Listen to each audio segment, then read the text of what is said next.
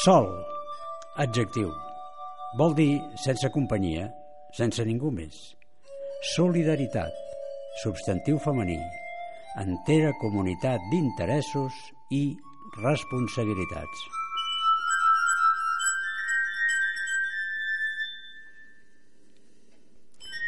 Això és el que diu el diccionari i, i també el sentit comú, el menys comú dels sentits.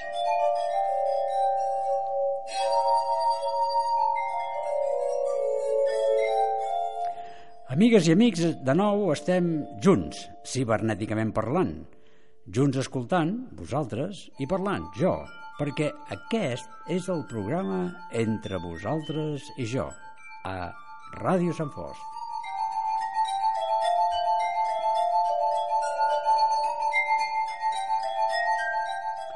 Amb l'Adrián González, atent i amatent al control tècnic, i Manel Domènech, qui us parla per tal de comentar-vos, com sempre, alguna cosa d'actualitat. Sí, coses, fets, notícies, que no acostumen mai a ser portada d'un diari, ni en presència espectacular a les cadenes de televisió, cosa que no vol pas dir que per aquest motiu no tinguin un interès espectacular o un interès relatiu. Això segons cada cas particular de qui ens escolta. Però sí us podem ben bé assegurar que ha estat escollit no per un criteri com els que presiren les grans audiències, sinó sempre pel nivell que té la nostra audiència, que no és gran en quantitat, però sí en humanitat.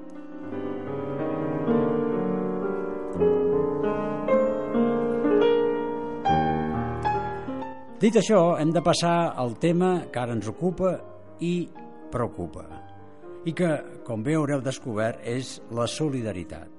La comunitat d'interessos i responsabilitats, especialment amb aquells col·lectius que cerquen un refugi segur per a la seva existència i els de membres de la seva família.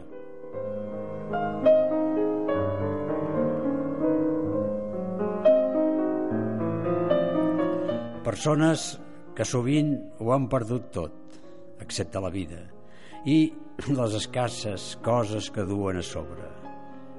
Avancen en pesantor per un camí farcit de perills i de dificultats i, i no saben si els durà on allà puguin iniciar una nova vida, una vida com la nostra, com la que mereixen tots els éssers humans.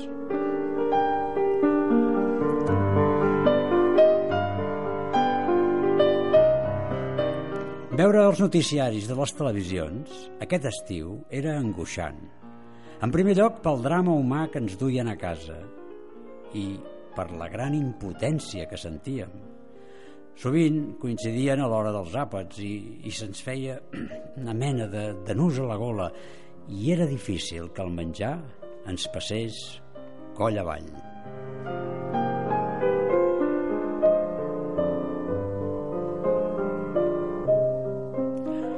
Drama diari que protagonitzaven els refugiats, els milers de milers de persones de totes les edats i condicions, els mentals dels familiars, dels amics, dels records, de la seva pàtria, que mai no abandonaran, però que difícilment s'hi retrobaran.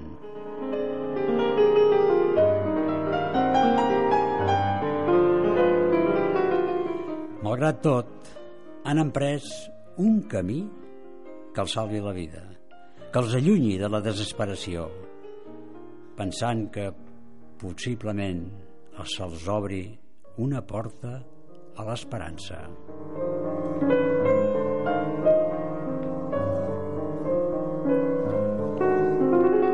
No són, no són pas els primers refugiats, ni dissortadament tampoc seran els darrers. I sempre s'expressen amb els seus rostres exhaustes, les veus trencades per la desesperació, l'expressió atemorida i la mirada d'esgotament físic i emocional que porta una pregunta. Per què?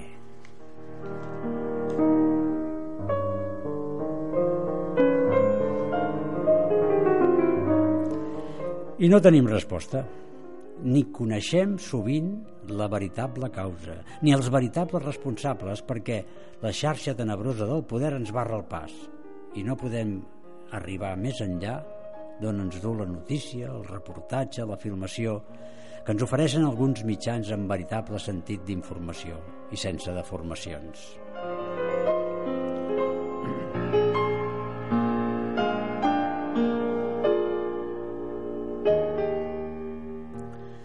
Nosaltres, ingenus, veiem dos camins. Eliminar les causes que aturin allò que provoca per deturar la fugida i, en paral·lel, donar una acollida digna a aquesta desesperació. Sabem que és una cosa tan fàcil de pensar, de dir, com terriblement complicada de dur a terme, especialment pels que ho han de fer.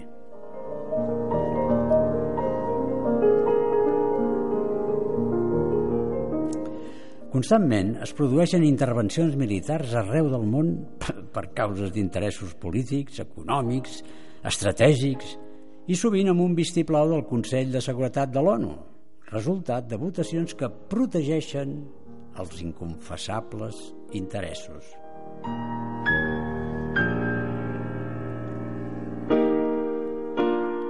Però quan es tracta de salvar la vida i el futur de les persones senzilles i corrents, s'alça un eixam de reunions, d'informes, de propostes, de possibles accions, però la solució, si arriba a materialitzar-se, arriba tard. Tard per a la majoria de les víctimes que ja no els serveix de res.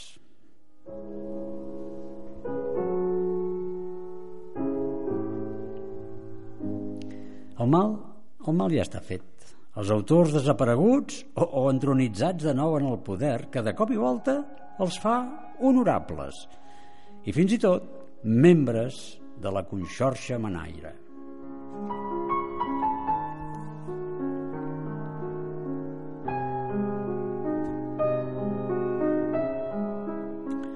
Ens preguntem ingenuament per què? Per què no es pot fer res per acabar amb les màfies líbies del tràfic de persones? Per posar un exemple dels molts i molts que hi ha.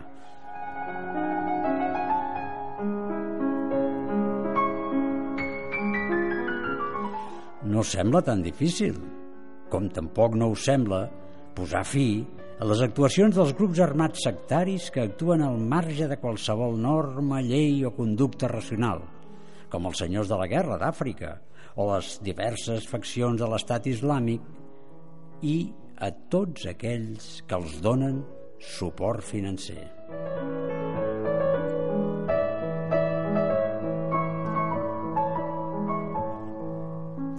Fins ara no he pogut veure cap resolució que convoqui els estats més poderosos a posar fil a l'agulla i a utilitzar els mitjans per aconseguir amb rapidesa i eficàcia per acabar amb aquestes situacions. I tant que corren quan els convé els interessos d'estat.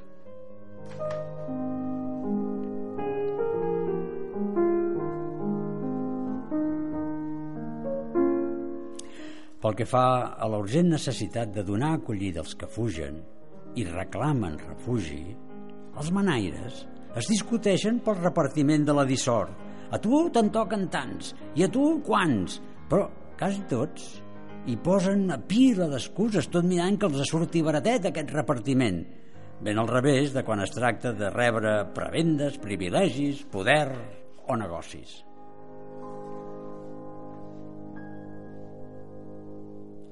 Tancats dins del reducte de la impotència, ens preguntem com és possible que no hi hagi una veritable consciència per a resoldre aquesta tragèdia si a cada minut, a cada segon es produeixen dispèndits de quantitats gairebé astronòmiques en els pressupostos dels estats rics? Els representants dels quals, asseguts al voltant d'una taula, fan mans i mànigues per fer-se el pobre i per acollir el nombre més petit possible de víctimes innocents.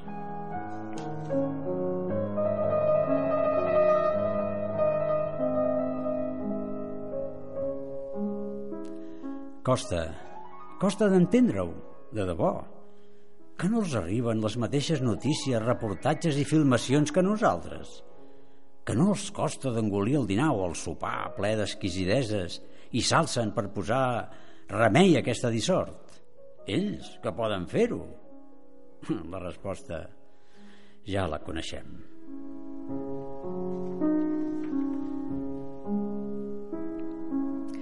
Engeguen el mecanisme de la parafernàlia de sempre, empallagosa, paternalista, com si fora d'ells tothom fos estúpid, pontificant no, no es pot córrer davant d'un problema d'aquesta magnitud, cal fer-ho bé, trobar vies que ens permetin una regulació ordenada sense alteracions que pertorbin la convivència social.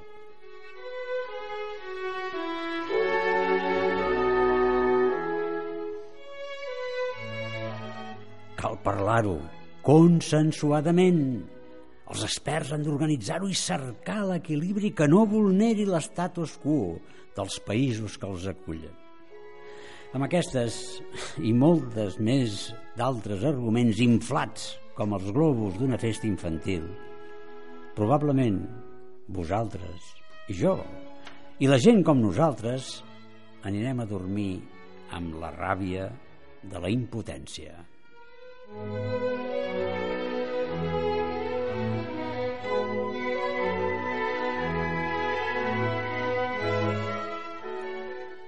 Ens queda només el consol de les imatges, d'allò que fan tota aquella bona gent per tal de lleugerir la tragèdia que per ells ja els és propera, real i abastable, i que, per sort, sabem que és molta més de la que ens han ofert les imatges breus de la televisió les úniques imatges reconfortants en algunes jornades.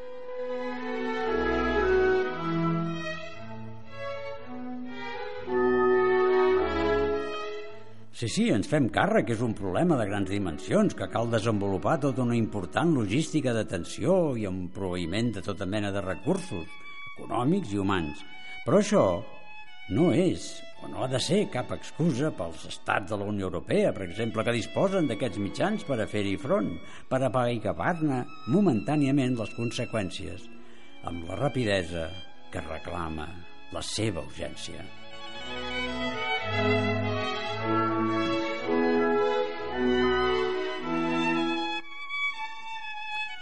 Amb l'acabament del període de vacances i l'entrada de l'actualitat normal, farcida ja de notícies de tot tipus, el drama dels refugiats s'ha vist notablement reduït en els espais informatius dels mitjans de comunicació.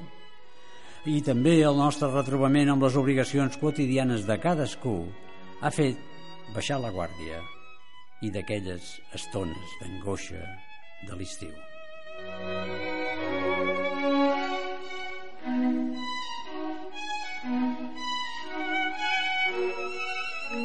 Ja no hi pensem tant. El qui dia passa any empeny i el sembla que està en vies de solució ens ho vol fer creure, però sabem que no, no és cert. I ens acumula de nou la impotència. Entrada la tardor, les condicions meteorològiques empitjoraran i, sens dubte, faran més perillós i augmentarà encara més la seva duresa i el risc. I les desgràcies irreparables.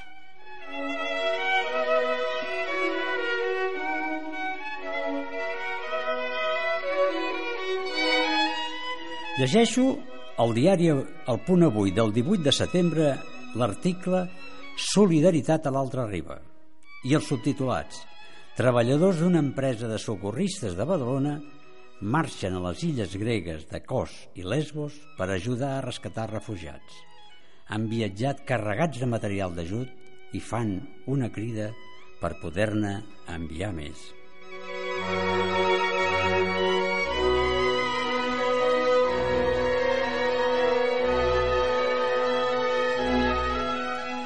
Els camins que emprenen els refugiats són perillosos, i especialment els que surten de Turquia per arribar a les illes gregues de Kos i Lesbos, travessant el tros de Mediterrani que els separa amb embarcacions en molt mal estat, sobrecarregades de passatgers d'edats que van de nadons a avis i que han pagat un preu elevat, 1.200 euros, als malfactors que a sobre posen en perill les seves vides.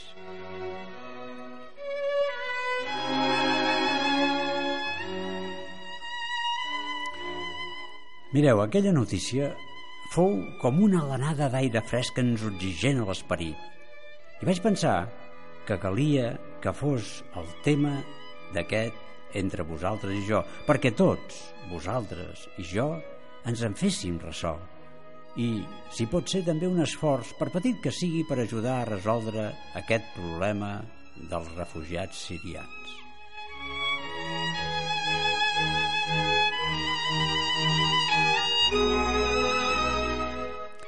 L'Òscar Camps, que coneix bé el mar com a director de l'empresa Proactiva Serveis Aquàtics, amb seu a Badalona, dedicada a tasques de vigilància i salvament de les platges de Catalunya, de la península i les Illes Balears, davant de les dramàtiques escenes que, com nosaltres veia cada dia, a les platges de la illa grega de Lesbos, decideix deixar de lamentar-se i passar a l'acció.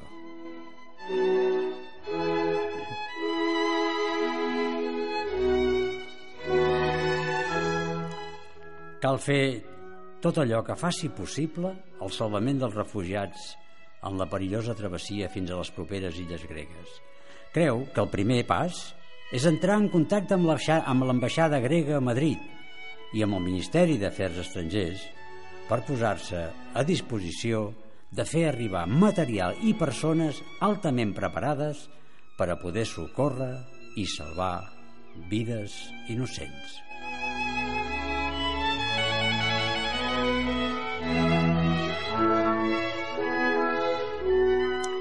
Però la resposta de l'acceptació altruista es fa esperar i esperar i es cansa d'esperar i opta per un altre camí posar-se en contacte amb organitzacions que ja treballen sobre el terreny i que viuen cada dia la tragèdia, lluny de despatxos i de polítiques que només saben marejar la perdiu i mirar sempre cap a un altre costat.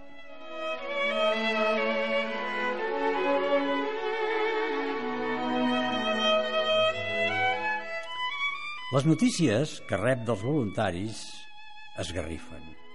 Estan treballant en penoses condicions, totalment desbordats, amb escassedat de material sanitari, de protecció i de rescat. I les situacions d'emergència són constants.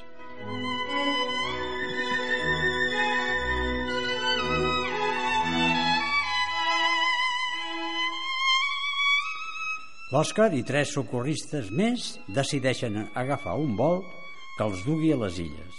Amb el material necessari i, a més a més, han enviat dues motos nàutiques, dues llanxes i dos vehicles de suport per a poder realitzar en millors condicions les tasques de rescat.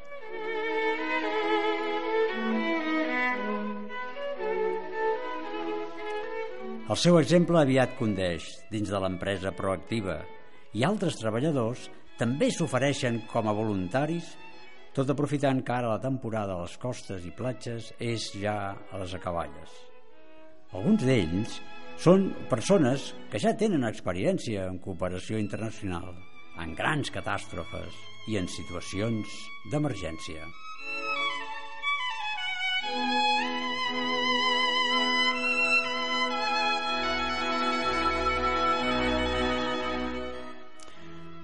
A través de la seva web podem llegir el testimoni viu, espontani, del primer dia que textualment diu Arribem a Lesbos amb l'objectiu d'organitzar el nostre futur dispositiu d'aquí i la crueltat de la situació ens ha imposat l'acció immediata. Centenars de persones, nens, famílies senceres arriben per mar, amuntegats, exhaustes, molts malalts, en un continu d'embarcacions que no para.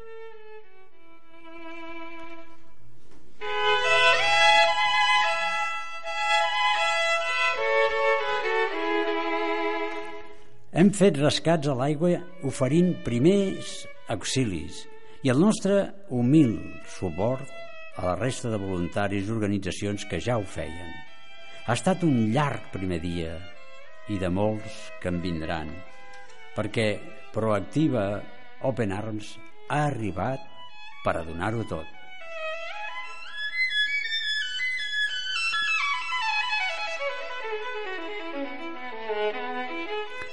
El tercer dia de la seva estada asseguren és el dia d'una arribada més gran d'embarcacions a la costa de Molillos. Som testimonis de tragèdies personals devastadores.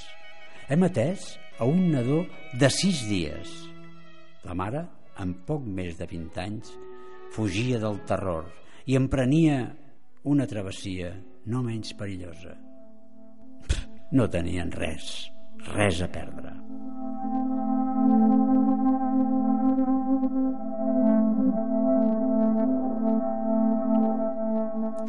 La nit va naufragar una embarcació i va morir una nena, però es desconeix el nombre de desapareguts. La nostra tasca cada dia té més sentit i el nostre objectiu és quedar-nos i ajudar tot el temps que sigui necessari.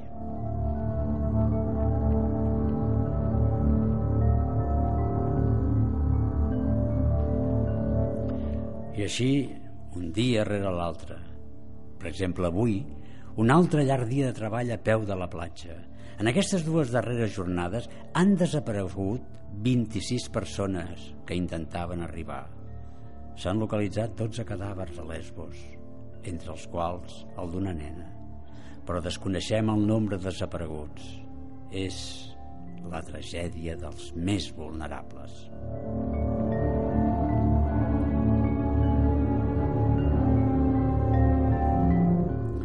Es lamenten. El mal temps encara ha d'arribar. Aquesta és una petita seqüència de les petjades que deixa la desesperació en el silenci de la platja. Tot seguit, una filmació ens mostra la realitat que una vegada més ens encongeja el cor.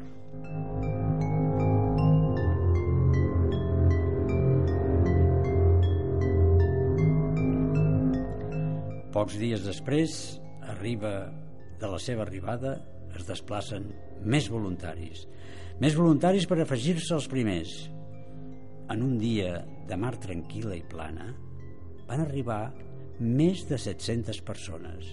Una situació que els desborda.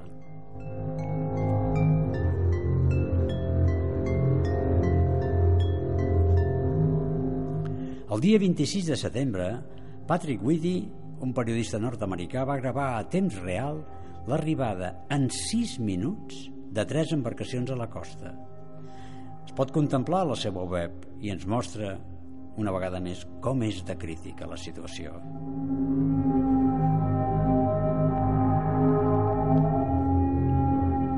Al mateix moment, una persona acabada d'arribar ens avisa que hi havia una altra embarcació a la deriva i en una situació apurada. Anem de seguida al seu rescat i, feliçment, ho aconseguim. Tots arriben bé.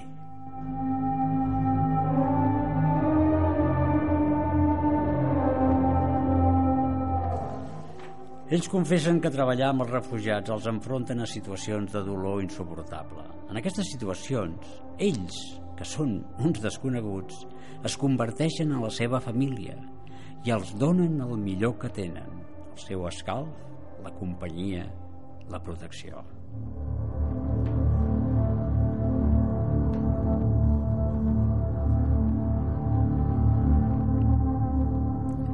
Ells i també molts i molts altres voluntaris i voluntàries, com la Gita Selvi i la Singrum Meret, infermeres de professió que han vingut respectivament de Dinamarca i de Noruega amb els seus estalvis i alguns diners que els han donat els seus familiars. Tots, tots són l'esperança dels desesperats.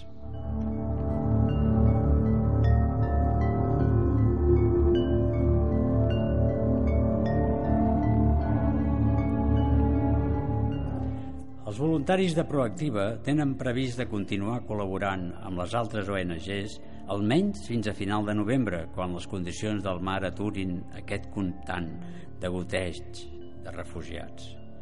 També es constitueixen ONG per buscar suport econòmic per poder sufragar els viatges i l'estada de més voluntaris.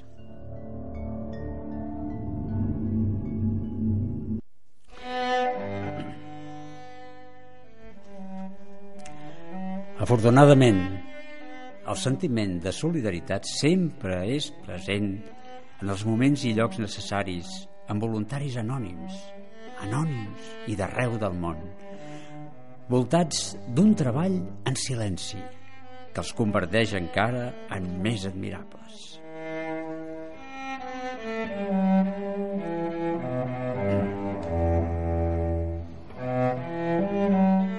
Són veritables herois amb la seva feina i encara més els excel·lents resultats que aconsegueixen que els permeten dormir amb aquella envejable sensació de consol que els ha permès viure totes aquelles jornades ells en una platja llunyana plena de tragèdia i desesperació. Molts d'altres allà també ho fan o allà on fa falta.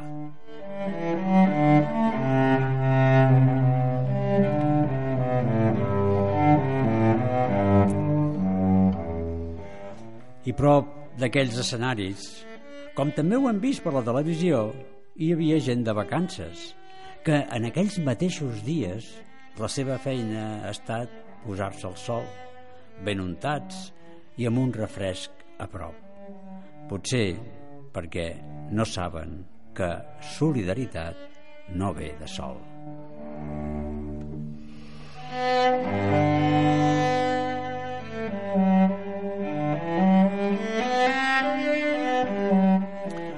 De moment, Proactiva Serveis Aquàtics ho han pagat tot amb el fons de l'empresa.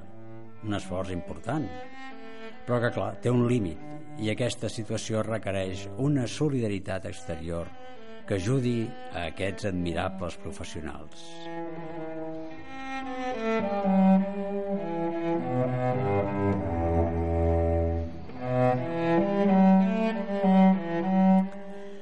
Voldria recomanar-vos, ja per acabar, que si us interessen les imatges d'aquesta tasca de proactiva, cerqueu a internet Proactiva Serveis Aquàtics YouTube. I si voleu ajudar-los, ho podeu fer-ho momentàniament al seu compte ONG Proactiva Open Arms IBAN ES 53 0182 0262 9102 0166 8823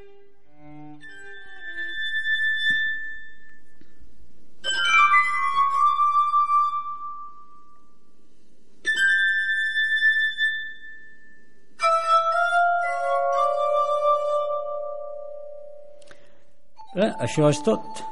Potser és poc. Bé, segur. Però, mireu, moltes miques fan un tot, com diu la dita. I serem de nou, aquí, a Ràdio Sant Fos, en un progré, en un proper programa.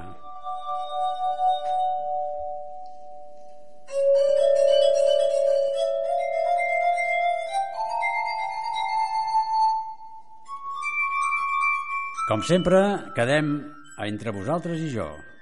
Com sempre, també, amb vosaltres, l'Adrián González, el control tècnic, i Manel Domènech, el guió i locució. Com sempre, també us agraïm la vostra atenció i esperem retrobar-nos.